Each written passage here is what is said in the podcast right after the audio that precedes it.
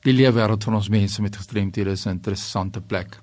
En dis so lekker as luisteraars saamgesels. Ons reageer graag op navrae vanaf die luisteraars om mense te help om perspektief te kry op die uitdagings wat ons mense met gestremthede ervaar. Want onthou, mense met gestremthede is nie 'n aparte gemeenskap nie.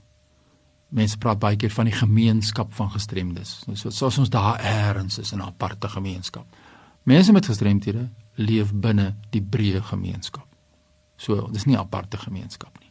En binne daai gemeenskap moet ons sekere aspekte verstaan. Nou skryf hier iemand verduidelik vir ons wat is die verskil tussen kommunikasie en taal, blote taal.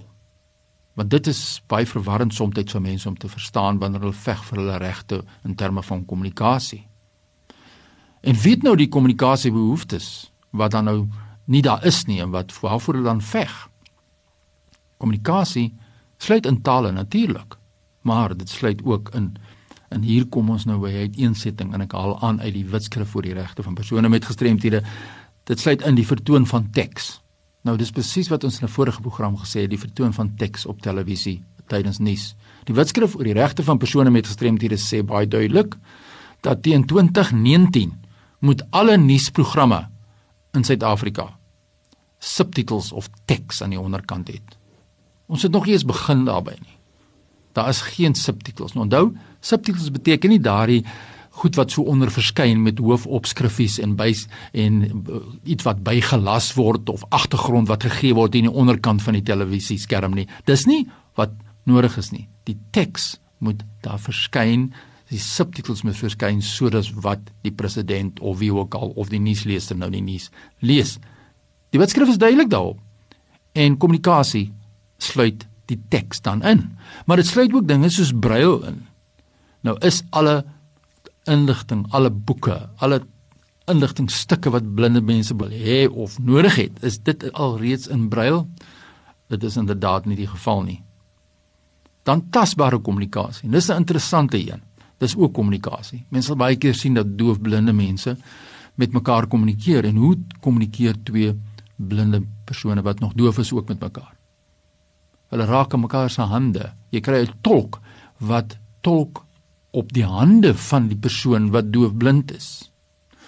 Dan gaan ons 'n bietjie aan na kommunikasie wat ook nie altyd die aandag kry nie. Dit is groot druk.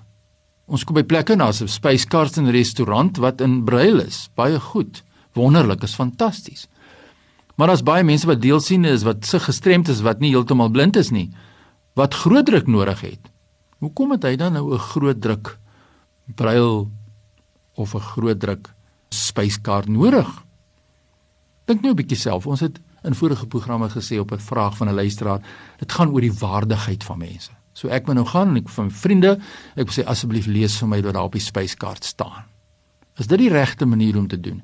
Jy moet afhanklik wees van iemand anders deur inligting te kan bekom, maar jy moet vra dat iemand dit vir jou moet lees.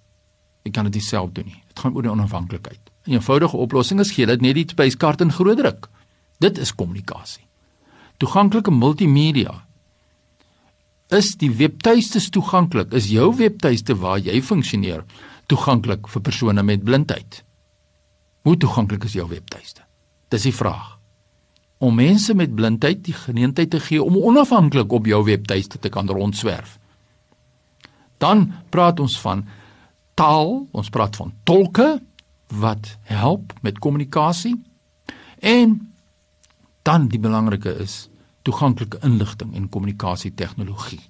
En nou ek het verwys na tegnologie soos die TV wat nie subtitels het en ontoeganklik is vir mense met gehoorverlies byvoorbeeld wat nie gebaretaal gebruik nie want mense plaas graag soos ek gesê het, 'n gebaretaal tolk daar. Die feit is, kommunikasie is hierdie goed en dit word in die wetgewing vervat en ons wat in die gemeenskap moet lewe moet sensitief wees watter van die forme van persone met gestremthede het kommunikasiebehoeftes. Het iemand met dis disleksia? Wat is sy kommunikasiebehoeftes? Hy werk en leef miskien saam met jou. Watter toerusting het daardie persoon nodig om onafhanklik kan te lewe dan in die gemeenskap?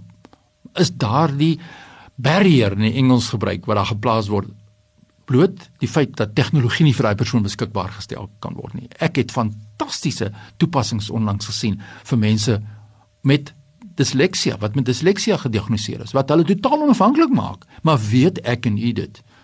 Ken ons daardie toerusting of gaan dit maar vir ons verby en ons gee nie aandag daaraan nie. So dit is die vraag, wat is kommunikasie en dan taal uit die aard van die saak baie maklik. Dis alle forme tale en dit sluit natuurlik ook gebaretaal in. So ek hoop ek beantwoord die vraag as jy uitdagings het rondom jou kommunikasiebehoeftes. Maak nie saak watter vorm van gestremdheid jy ervaar nie. Stuur nou 'n e-pos aan my by fani.dt by mweb.co.za fani.dt by mweb.co.za ek hoor graag van jou